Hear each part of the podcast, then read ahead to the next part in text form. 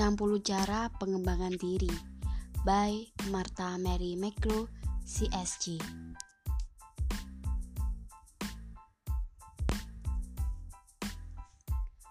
Satu, menjadi diri sendiri yang khas. Sudah barang tentu kita semua ingin menjadi diri yang khas. Setiap orang mendambakannya, itu biasa dan amat normal. Tetapi ternyata kita telah menjadi khas, khusus, kita adalah manusia unik.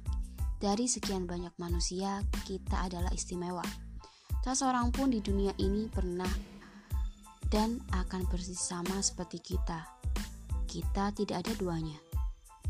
Tetapi kita belum sempurna. Kita sedang dan masih harus berkembang. Kita masih berada dalam proses menjadi semakin khas, khusus, istimewa. Hal-hal yang membantu perkembangan itu ada di sekitar kita. Kita bisa memanfaatkannya untuk menjadikan diri kita penuh, yang paling baik dan yang unik. Kita bukan orang lain, kita bukan tiruan manusia lain, tetapi kita adalah kita. Oleh karena itu, biarkanlah diri kita berkembang sekarang ini juga, sebab waktu kini adalah kesempatan yang tak bakal terulang kembali. Kita hanya memiliki satu kehidupan. Waktunya terlalu pendek. Hari kemarin sudah berlalu. Hidup adalah hari ini dan mengarah ke hari esok. Jadilah diri yang khusus dengan membiarkan diri kita berkembang. Mulailah sekarang ini juga.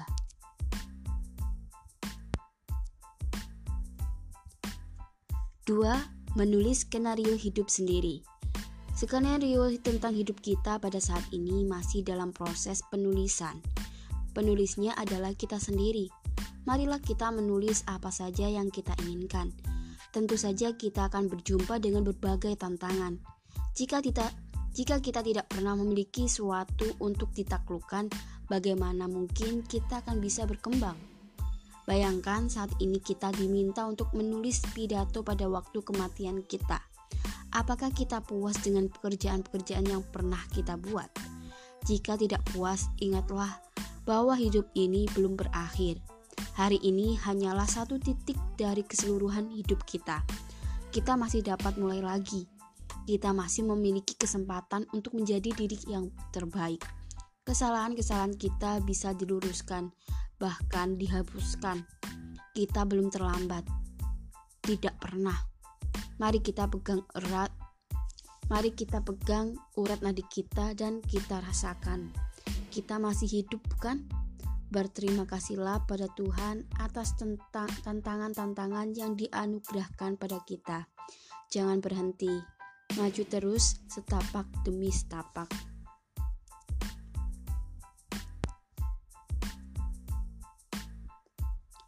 Tiga, berkembang terus. Kita adalah bagian dari lingkungan kita. Mari kita lihat dan tatap diri kita. Kita pasti akan menemukan keindahan dalam diri kita.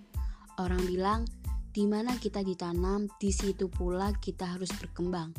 Jadilah tumbuh-tumbuhan yang selalu hijau, tumbuh-tumbuhan yang tetap mekar sepanjang tahun tanpa perlu ditanyakan apa sebabnya. Bunga-bunga liar pun bisa bermekaran di pegunungan-pegunungan bunga-bunga menyemarkan keindahan alam.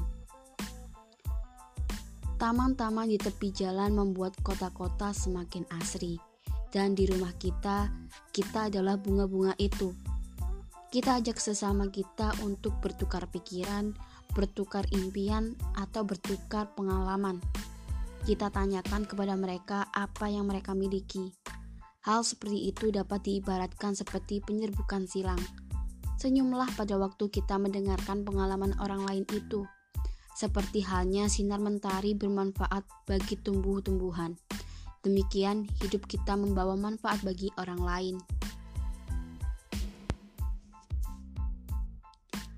Empat, menjadi menarik. Percayalah bahwa diri kita betul-betul menarik.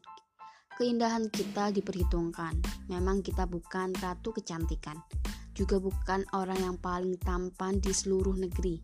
Tetapi percayalah bahwa kita memiliki ketampanan tersendiri. Kita adalah kita. Kita adalah diri yang khas, khusus, istimewa. Kebaikan dan kasih membuat orang-orang yang nampaknya biasa-biasa saja menjadi amat memikat, walaupun mereka itu tambun ataupun krempeng. Jangan pernah minder. Yakinlah bahwa pakaian yang kita kenakan mampu membuat kita menjadi menarik dan make up yang kita pakai mampu membuat wajah kita menjadi tampan. Namun, bukan melulu karena pakaian dan make up, melainkan karena kita hidup tepatnya hidup dengan gairah. Kita hanya perlu mengenal keindahan diri kita. Kita hanya perlu meyakinkan diri kita sendiri. Saya sungguh menarik atau saya sungguh cantik. Camkan itu baik-baik.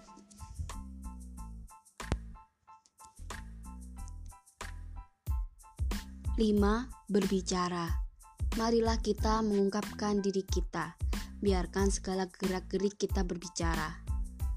Janganlah kita memendam sesuatu. Berbagilah rasa dengan orang lain.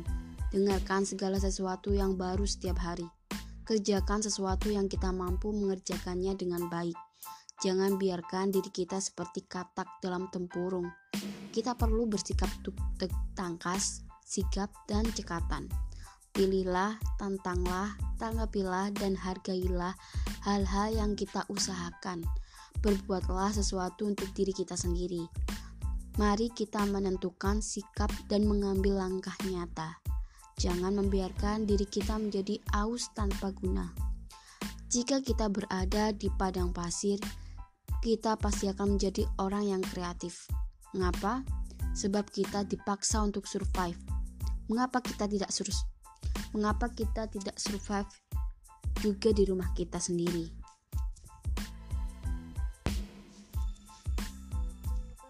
6. Jangan tidur asal tidur. Cobalah hitung berapa jam waktu yang kita butuhkan untuk tidur dan berpeganglah pada jumlah jam tersebut. Namun jangan membiarkan hidup kita terlelap dalam tidur. Tidurlah jika kita memang membutuhkan, tetapi janganlah tidur tanpa perlu. Jika kita bangun pada jam 3 pagi, apa yang dapat kita buat? Tidak usah bingung. Kejutkanlah cacing tanah yang sedang tertidur dalam yang sedang tidur dengan berjalan-jalan di kebun, atau mengerjakan PR, berdoa, menulis surat, membuat daftar menu makanan, melukis, merencanakan suatu pesta, menulis buku, bahkan menghitung jumlah kambing di kandang pun bukanlah gagasan yang jelek. Sikap selalu berjaga akan mengalahkan kekhawatiran mengenai insomnia atau rasa membutuhkan pil tidur.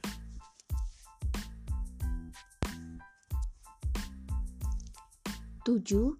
Terjun dalam kancah kehidupan. Hidup secara penuh bukanlah sekedar menarik dan menghembuskan nafas. Hidup merupakan hal yang menggairahkan. Apakah kita sungguh-sungguh hidup? Bagaimana kita membayangkan hidup kita lima tahun yang akan datang? Apa yang sebetulnya yang kita dambakan? Kita mau menjadi manusia macam apa? Apa yang kita makan atau minum? Apa yang kita pikirkan, katakan, kerjakan, dan harapkan untuk mencapai tujuan hidup kita itu? Sungguhkah kita telah berusaha terjun dalam kancah kehidupan, atau kita masih menggigil duduk kedinginan di tepi hidup? Apa yang kita rencanakan hari ini, besok, maupun minggu depan? Apakah rencana itu mempengaruhi masa depan kita, masa depan orang lain, bahkan mungkin masa depan dunia? Apakah kita pernah berpikir bahwa kehadiran kita mempunyai dampak bagi orang lain, masyarakat, dunia?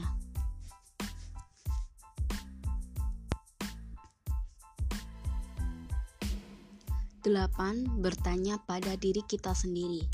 Biasanya, pertanyaan menuntut jawaban. Bertanyalah pada diri kita, siapakah saya? Mengapa saya diciptakan? Bagaimana saya berhubungan dengan Sang Pencipta?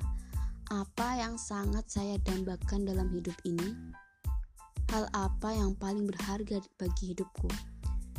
Sumbangan kecil apakah yang bisa saya buat demi dunia sekitar tempat saya berada agar menjadi lebih baik? Jika saya berjalan, lalu melihat ke belakang kepada diri saya sendiri, apa yang saya lihat? Apakah saya senang dengan apa yang saya lihat? apakah saya perlu mengubah sesuatu? apa yang saya miliki yang dapat saya berikan pada orang lain. Hanya dengan menyumbang sesuatu kepada orang lain, kita akan mampu menjawab pertanyaan-pertanyaan itu.